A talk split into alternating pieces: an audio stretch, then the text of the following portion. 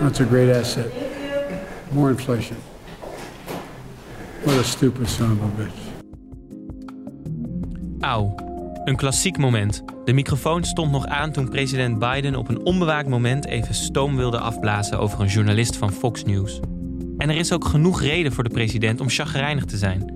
Want het is inmiddels een jaar na de bestorming van het Capitool, waarmee demonstranten een mes op de keel van de Amerikaanse democratie zetten. Maar Bidens belangrijkste missie, het versterken van de Amerikaanse democratie, lijkt nog niet echt te lukken. Sterker nog, met verkiezingen voor nieuwe senatoren in het najaar wordt de kans steeds kleiner dat Biden zijn campagnebeloftes gaat waarmaken. Staat de democratie echt zo onder druk in wereldmacht Amerika?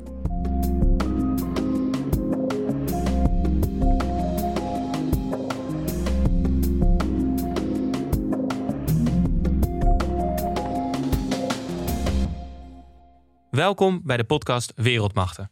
Mijn naam is Tim Wagemakers en samen met Hans Klis neem ik je elke week mee in het geopolitieke spel achter het nieuws. Vandaag bespreken we good old supermacht Amerika. Volgens een rapport van de Zweedse denktank ID eind vorig jaar is het land een backsliding democracy geworden. Een land dus dat langzaam richting autocratie sukkelt. Um, Hans, welkom. Dank je. Daar gaan we het over hebben vandaag. Een land dat langzaam richting autocratie sukkelt. Toen dacht ik, vorige week hebben wij het over Oekraïne gehad. En wat er Mhm. allemaal gebeurt. eh, Russische troepen aan de grens. En toen dacht ik, ja, een land dat eh, achteruit gaat. Maar ondertussen voor enorm grote keuzes staat. Biden die moet beslissen of hij de Oekraïners gaat steunen, ja of nee. Wat, wat is er gebeurd de afgelopen week? Nou, wat de afgelopen week is gebeurd, is dat eigenlijk de spanningen rondom Oekraïne alleen nog maar meer zijn opgelopen. Eh, er, zijn, er worden troepen gestuurd naar, naar, naar grenslanden met Rusland. Eh, er is een, volgens mij een, een cyberattack geweest op Russische troepen die eh, door Belarus aan het rijden waren op treinen. Eh, ja, het loopt een beetje uit de hand, maar we zijn er nog niet. Nee, want wordt- ik, ik, hoorde, ik, ik, ik zat radio te luisteren en toen hoorde ik iemand zeggen... het is een beetje als met alle grote geopolitieke ontwikkelingen. Uiteindelijk, hè, journalisten schrijven erover, in podcasts praten mensen erover. Maar uiteindelijk is het vooral heel veel gepraat, dat heel lang duurt. En heel vaak verandert er uiteindelijk ook niet zoveel. Of is dat net te Ja. Nou, ik denk dat het, de uitkomst van al die gesprekken die er nu worden gevoerd, natuurlijk met Rusland en Oekraïne, ja, die gaan bepalen over wat gaat gebeuren of niet. En laten we met z'n allen hopen natuurlijk dat er niks gebeurt. Nee. Dat het gewoon, ja, dat die spanningen afnemen. Ja. Tegelijkertijd is er bij jou wel wat gebeurd, want eh, helaas zitten we niet in de studio, maar ben jij eh, online in, in, in, in quarantaine. We, we Ja, nemen op ja. woensdag op, hè, de dag dat we, dat we eigenlijk weer meer mogen, maar eh, Ja. helaas eh, zit jij thuis. Vandaag dus, eh, Ja. ja. Heb Ja. je corona gehad? Of? Nee, er zijn gewoon heel veel coronagevallen bij, bij ons op school. Dus dat, eh, ja, Oh, ja. dat wordt een, ja, dan gaat het dan. Daar gaat het Ja. heel snel. Hè? Hey, ehm, Ja. Jij hebt heel lang in Amerika eh, gewoond. Je bent correspondent Ja. geweest in Amerika. We gaan het vandaag hebben over Joe Biden. Is dat dan ehm, het onderwerp waar je eigenlijk altijd over wil praten, Amerika? Is, is, is dat altijd eh, waar jij toch het meest naartoe gaat? Of is jouw liefde voor het land eh, wat minder geworden nu je daar weg bent? Amerika is een, is een geweldig land, maar tegelijkertijd ook een verschrikkelijk achtergesteld eh, land met, ja, heel, waar heel veel mensen heel veel pijn hebben. Ehm, dat maakt het ook heel erg fascinerend natuurlijk. Mensen die, die vechten voor hun rechten. En ja, het zijn hele inspirerende dingen om mee te maken. Bijvoorbeeld dat ik eh, toen Trump net verkozen was, dat ik meeliep met moeders en kinderen die net hadden geleerd om te demonstreren, om borden te maken, om kaarten te sturen naar hun vertegenwoordigers in het, in, in het congres. Ehm, dat is tegelijkertijd eh, meeslepend, maar ook totaal beangstigend. En ja, voor mij is de liefde voor Amerika nog nooit, nooit bekoeld. Maar ja, ik kijk er wel naar ja, met toch angstige ogen. Eh, zeker omdat mijn zoontje ook Amerikaan is. Ja. Oh, jouw zoontje is officieel Amerikaan. Ja, Ja. ja. Ja, dus het is ook zijn land.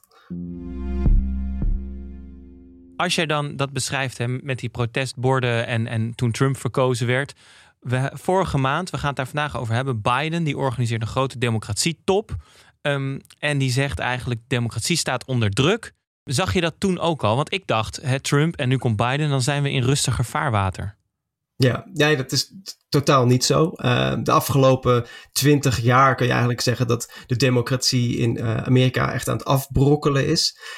Je ziet dat onder andere doordat eh ja, het Hooggerechtshof in 2010 bepaalde dat eh, bedrijven en, eh, en groepen on- eigenlijk bijna ongelimiteerde hoeveelheden geld mochten gaan stoppen in, in Ja. verkiezingscampagnes. Dus dat eigenlijk hele kleine belangen een uitvergrote invloed gingen krijgen op, op de politiek. Dus dat de, de, de, de, kiezer zelf niet meer centraal stond, maar eigenlijk het grote geld. Ja, dus, dus, dus wat gaan wij dan vandaag doen? Want daar gaan we straks dieper op in. Want mhm. eigenlijk, uh, Biden is nu een jaar president.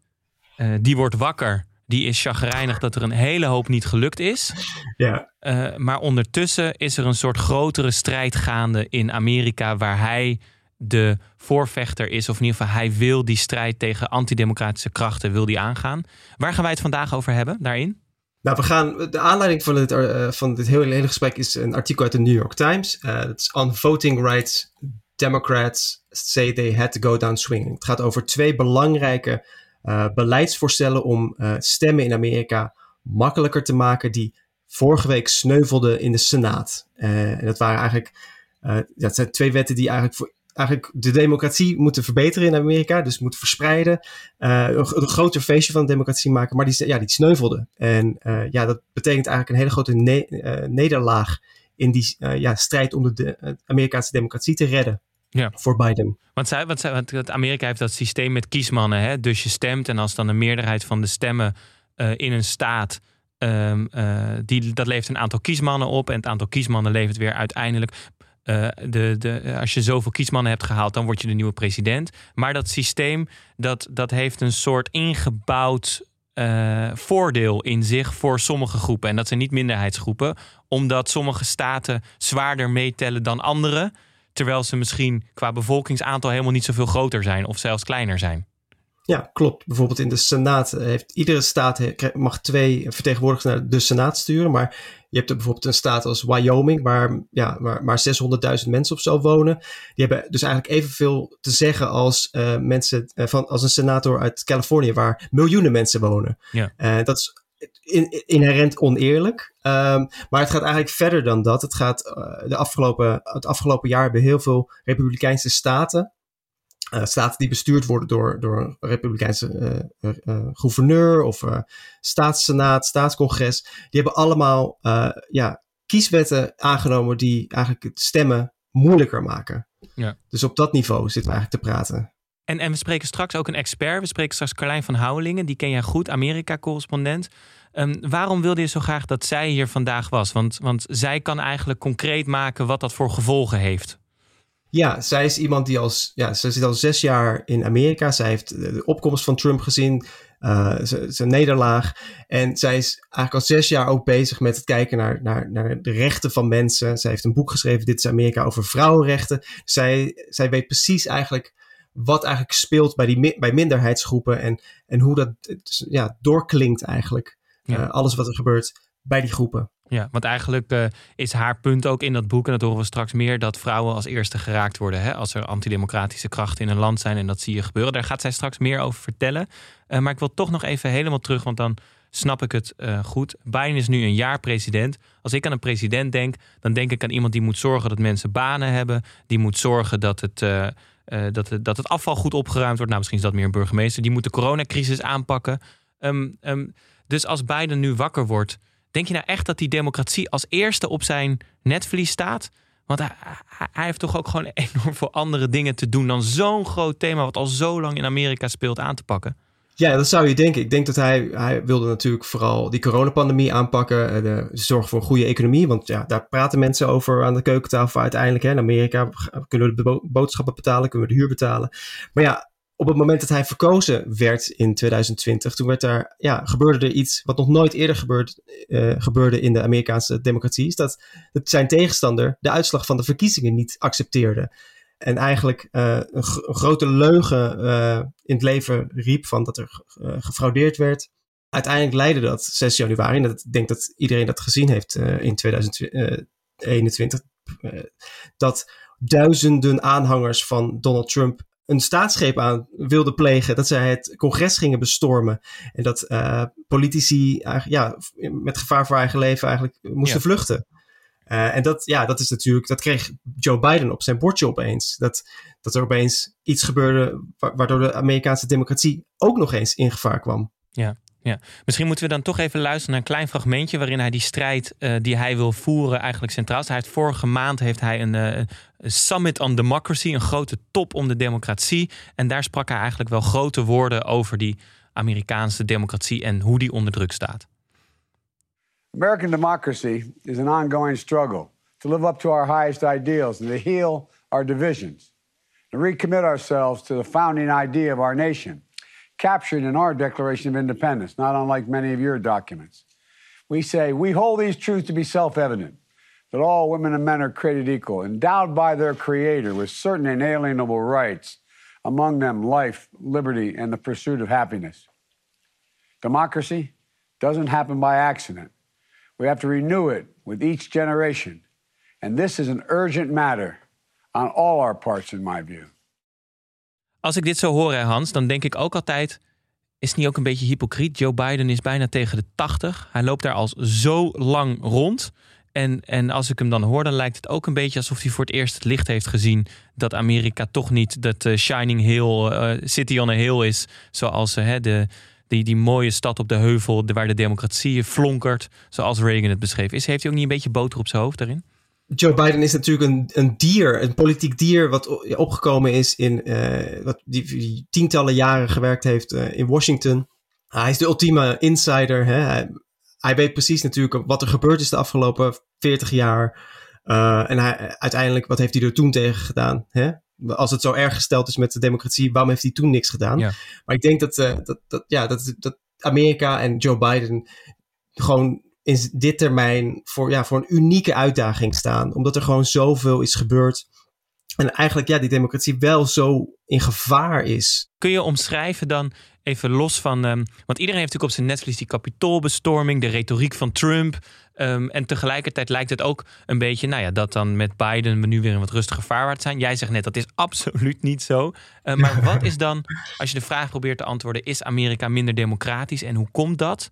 Waar zit het hem dan in? Hoe moeten we dat ja, tot in de vezels voelen dat dat systeem, dat zo grote systeem, mm -hmm. met de grondwet die centraal staat, weet je wel, allemaal grote ja. woorden dat dat nu minder democratisch is geworden?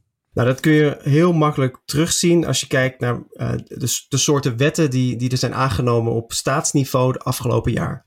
Ik, ik, kwam het, uh, ik kwam een getal tegen dat er 19 staten vorig jaar 33 wetten hebben aangenomen die het kiezen, die het stemmen, moeilijker maken. En dan heb je het uh, bijvoorbeeld over strengere eisen om je te identificeren.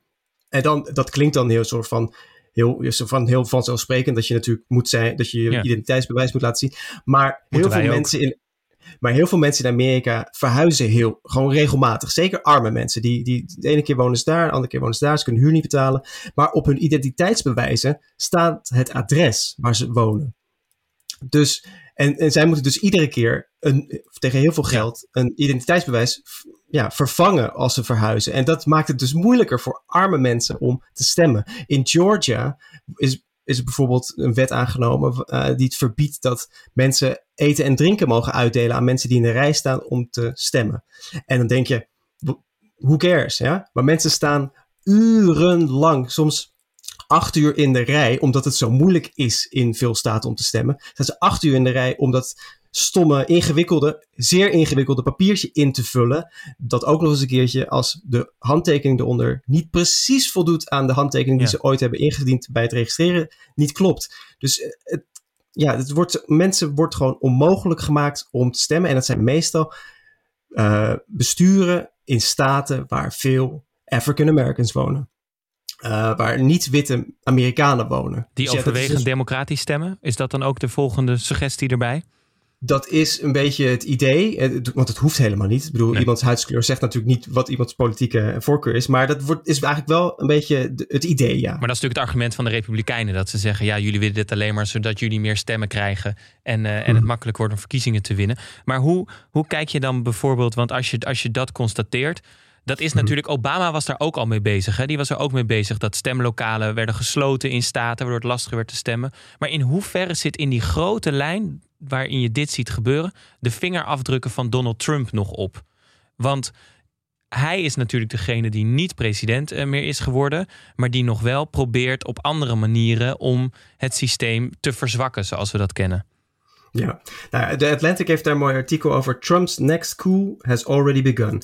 Uh, je ziet de vingerafdruk van Trump in wat er nu gebeurt, omdat in, in die wetsveranderingen in die staten, bijvoorbeeld dat ook uh, onafhankelijke kiescommissies eigenlijk worden vervangen door republikeinse bestuurde kiescommissies. Of in ieder geval dat er een autoriteit bij komt die dan uiteindelijk kan zeggen of uh, stemmen meegeteld mogen worden of niet. Of, of dat ze andere resultaten mogen doorsturen naar Washington als een uh, verkiezingsuitslag gecertificeerd kan worden. En dat komt allemaal voort uit Trumps ja, stelling dat, dat er onwijs gefraudeerd is in de afgelopen presidentsverkiezingen.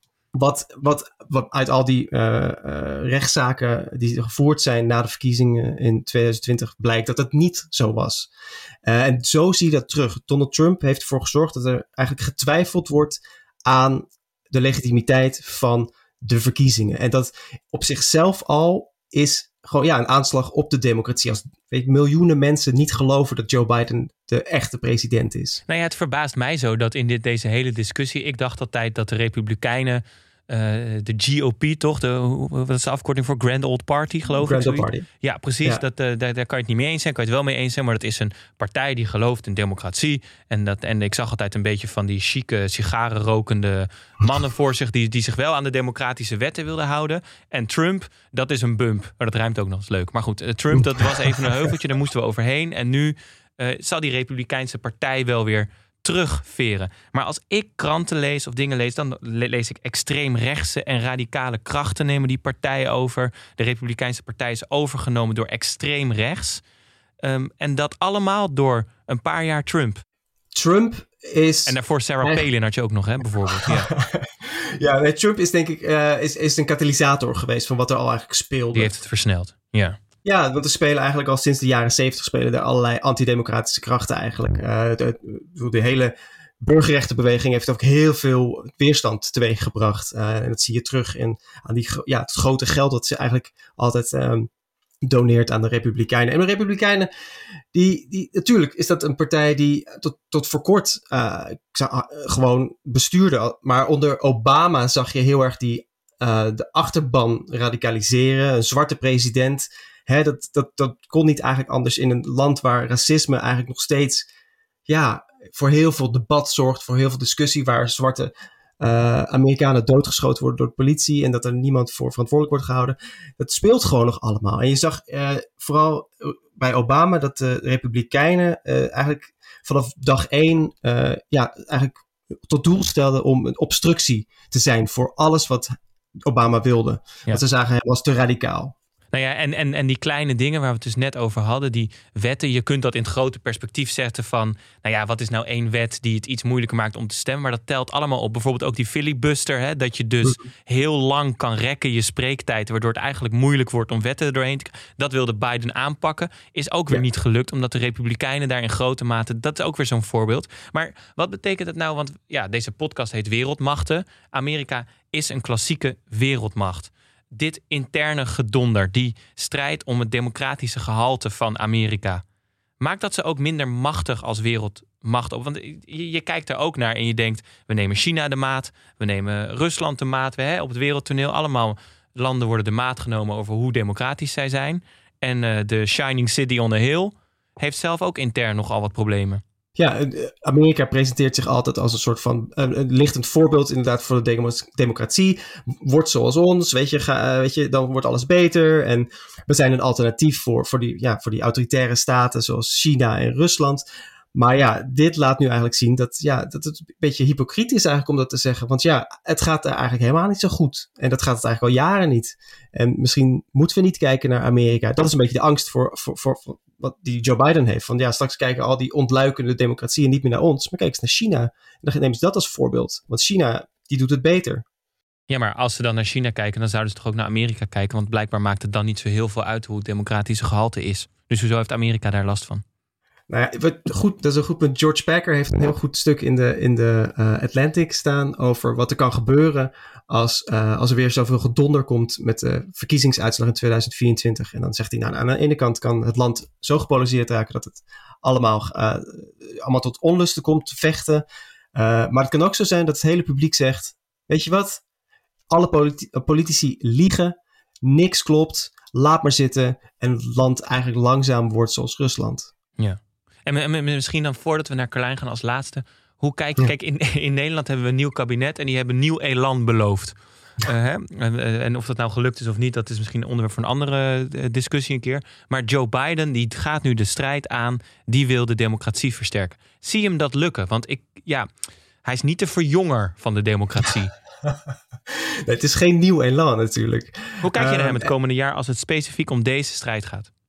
Nou ja, je ziet al dat hij natuurlijk, uh, die twee hele belangrijke kieswetten, die komen er niet door. En hij krijgt die filibuster, eh, die, ja, die, die, die, die wil hij er nu vanaf hebben. Maar dat lukt ook niet, omdat zijn eigen partij, twee partijleden uh, in de Senaat, dat niet, ja, dat niet zien zitten. En dat snap ik ook wel, want het is een norm van de Senaat die dan ook weer, weer, weer, weer weggooit. Terwijl juist de, de weg naar autocratie lijkt, ja, die, die bestaat uit het weggooien van normen en ja. Dus ja, uh, ik zie niet dat het eh, veel beter gaat worden. tenzij er echt eh, doorbraken komen op, ja, in, in die Senaat met die kieswetten. En ik begrijp dat de, de Republikeinen nu bereid zijn om te praten over andere soorten kiesmaatregelen. Dus misschien is er wel hoop. Ja. Uh, nou, en misschien is één hoop al in de houding. Hè? Want uh, hij, hij schold dan wel die Fox News reporter uit. Maar hij bood daarna ook nog een uur later zijn excuses aan. En dat heeft Trump volgens mij nooit gedaan aan alle CNN-verslaggevers. Nee. Um, volgens mij is, dat een, is het een uitstekend moment om wat dieper in te gaan op hoe dit ook concreet mensen raakt. En dat gaan we doen met onze expert van vandaag. Dat is Carlijn van Houwelingen. Zij schreef het boek Dit is Amerika over status, macht en seksen in Trumps macho-land. En dat is echt een aanrader, ook nu nog. Want Trumps macho-land is dus nog niet helemaal vertrokken, hebben we geconstateerd. En zij ziet hoe alles wat we beschrijven over antidemocratische krachten in Amerika ook meteen invloed heeft. En zo is het helaas vaker in de geschiedenis ook op hoe er gekeken wordt en besloten over vrouwen. Carlijn, hoe is het om vrouw te zijn in Amerika? Nou, ik zou zeggen dat het wat ingewikkelder is dan uh, in Nederland. Amerikaanse vrouwen zijn, zijn heel uh, nou, pittige tantes, is mijn ervaring. Uh, um, zijn, ja, komen bijvoorbeeld verder in hun carrières dan Nederlandse vrouwen gemiddeld. Er meer managers, vrouwelijke managers in Amerika dan in Nederland bijvoorbeeld. werken ook allemaal fulltime, maar er staat wel heel veel druk op. Sowieso op de arbeidsmarkt. Dat parttime dat, dat Nederlandse vrouwen doen, uh, dat doen Amerikaanse vrouwen niet.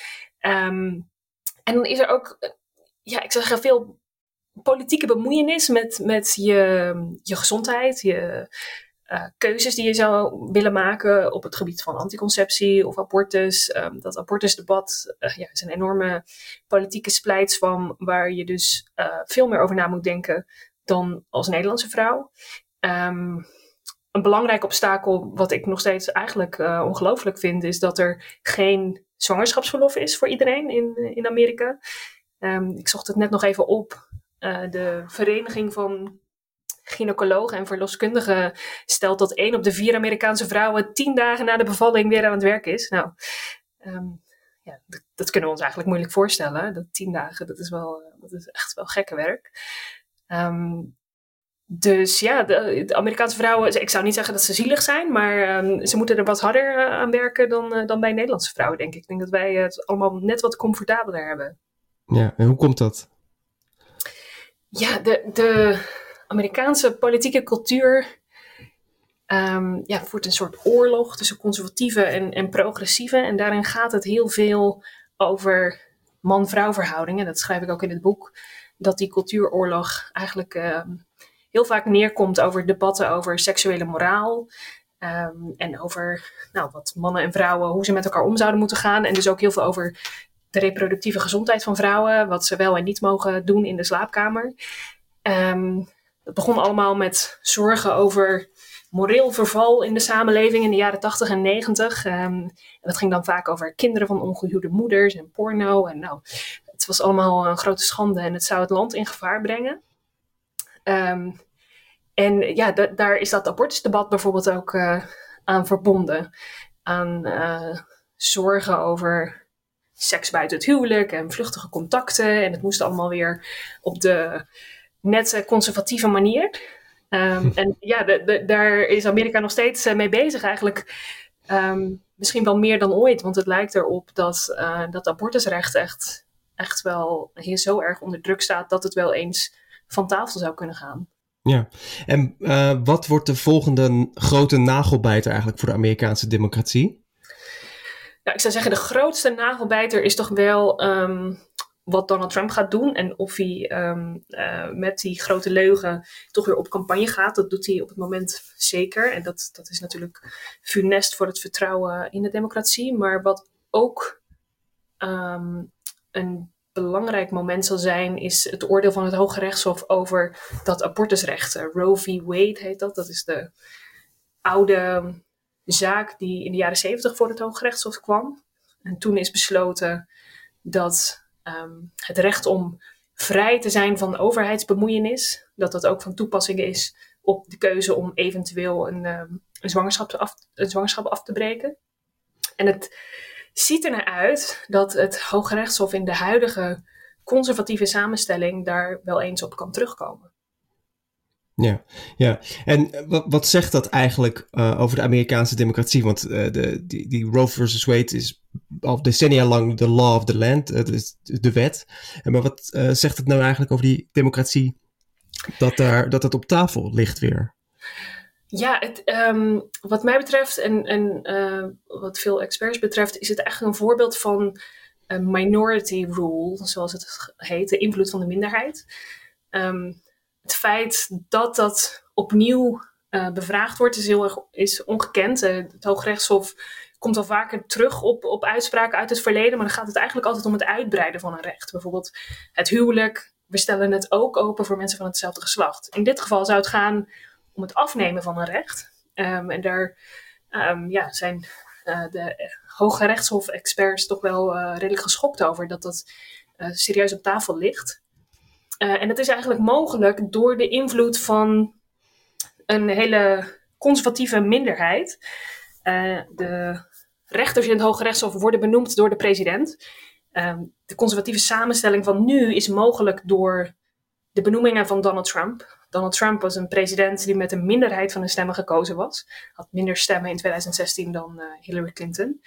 Um, die benoeming moet goedgekeurd worden door de Senaat. Uh, en in die Senaat hebben de.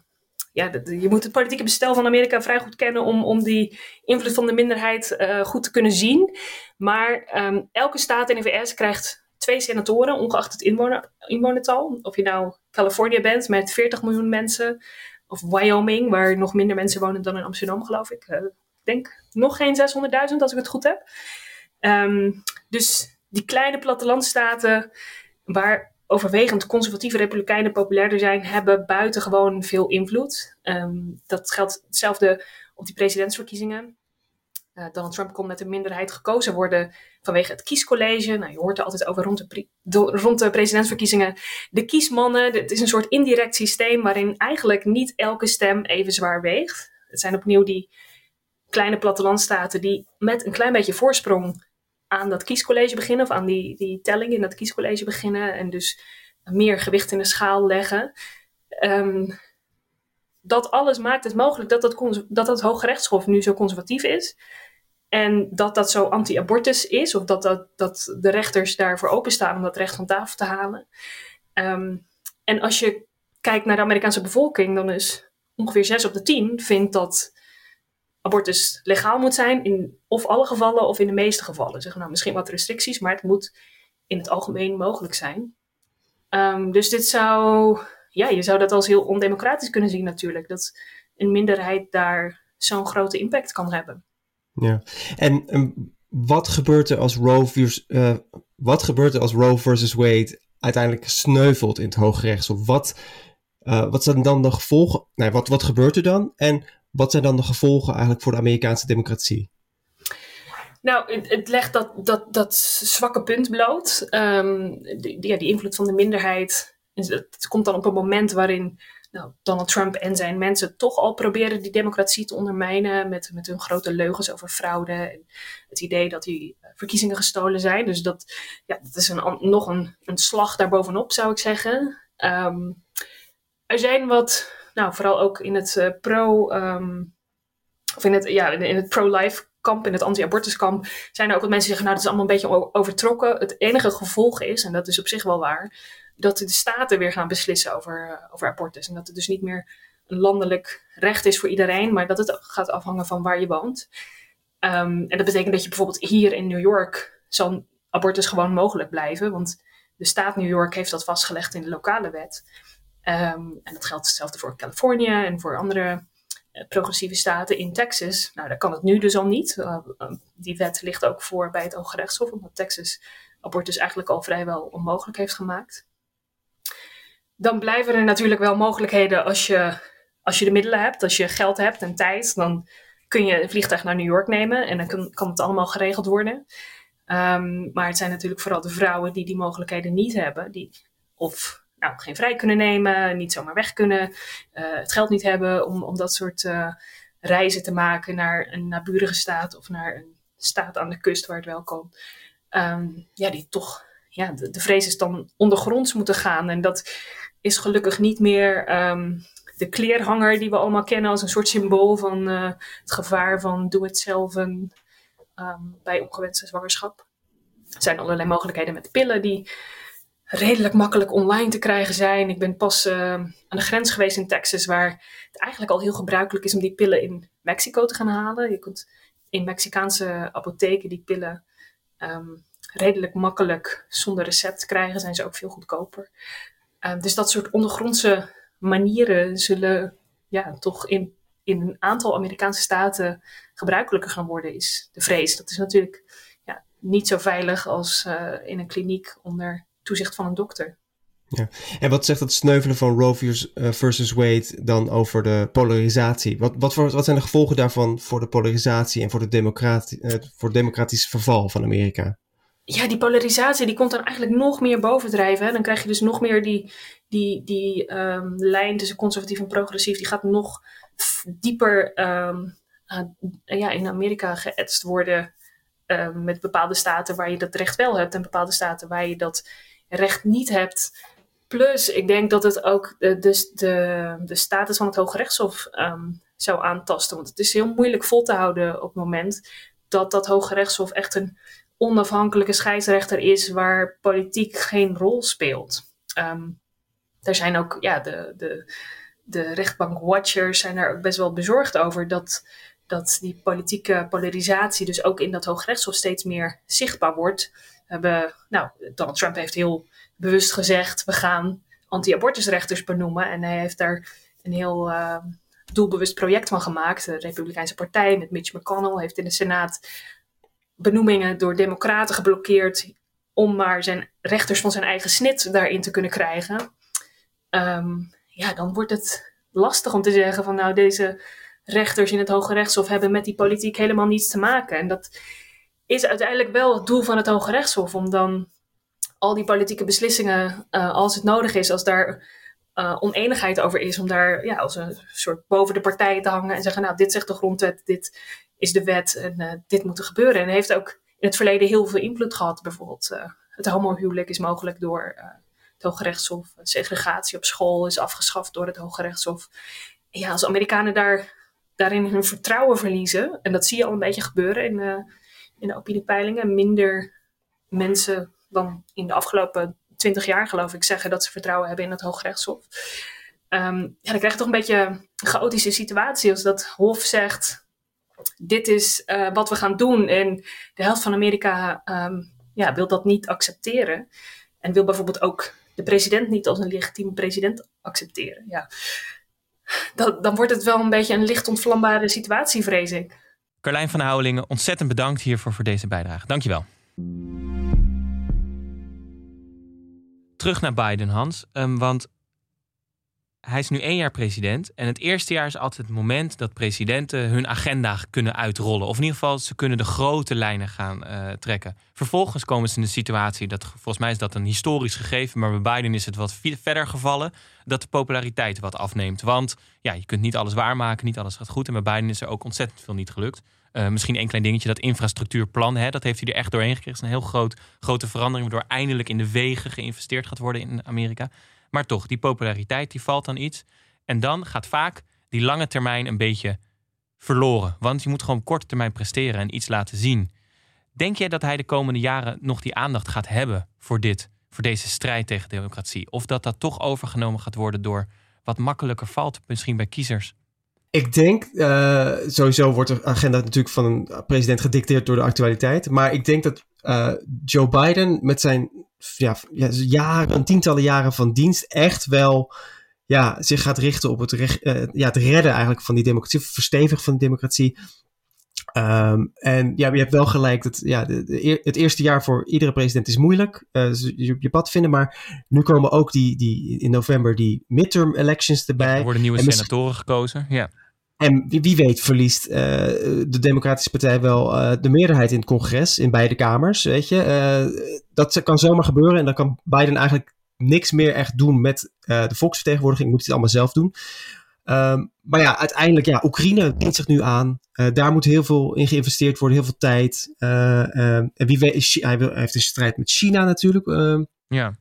Uh, en daar past natuurlijk die, die, strijd om democratie ook in. Omdat het natuurlijk, hij probeert een coalitie van democratische landen eigenlijk te, te, krijgen als soort van tegenwicht voor China. Maar ja, uiteindelijk, ja, wie, niemand gaat weten wat hij, wat, ja, hoe, dat, hoe, hoe zijn termijn eruit gaat zien. Maar het is wel interessant, want je noemt Oekraïne, daar begonnen we ook weer even mee. Mm -hmm. Kijk, ik heb altijd het idee uh, dat, uh, volgens mij is dat les 1 politicologie handboek als het intern niet goed gaat of gedoe, je krijgt weinig voor elkaar, zoek een externe vijand of zorg dat je iets in het buitenland doet. Um, uh, stuur troepen ergens naartoe en je populariteit zal stijgen. We hebben het natuurlijk over Poetin gehad, die rond Oekraïne een, toch wel een belang ook heeft om het vizier naar buiten te richten. Gaat Biden dat niet ook meer krijgen? Denk je niet dat hij ook die route Poetin wat meer gaat volgen? Ik vind ik lastig, omdat, het, omdat hij de ene kant heeft hij natuurlijk beloofd geen buitenlandse oorlogen meer te voeren. Hij, hij heeft uh, troepen teruggetrokken uit Afghanistan. Hij heeft een einde gemaakt aan de Forever Wars. En hij, ja, hij, heeft ja, hij is ook zo gekozen daar, om dat te doen. Ja, hij heeft gezegd de rol van Amerika is ja. anders. We, wij ja. zijn niet meer de redder van de wereld. Dus ik denk niet dat hij bereid is om Amerikaanse zonen en dochters naar uh, ja, de Oekraïne te sturen om daar te sterven voor een of ander ja, ver land. Um, maar tegelijkertijd, wat, wat hij nu doet in Oekraïne, dat, is, dat werkt wel weer in zijn voordeel. Want hij probeert daar eigenlijk een ontluikende democratie te beschermen tegen uh, Rusland, die het liefst ziet dat die democratie weer ontmanteld wordt. Dus dit is dubbel. Ja, ja en, en, en die strijd uh, tegen democratische kracht is natuurlijk ook, is niet ook een beetje, ik geloof wel dat hij erin gelooft, maar het is natuurlijk ook een hele goede manier om economisch tegenwicht te bieden aan China. Als je het op ja. het morele speelt, in plaats van op de technologie. Want technologisch gezien loopt China natuurlijk enorm ver voor.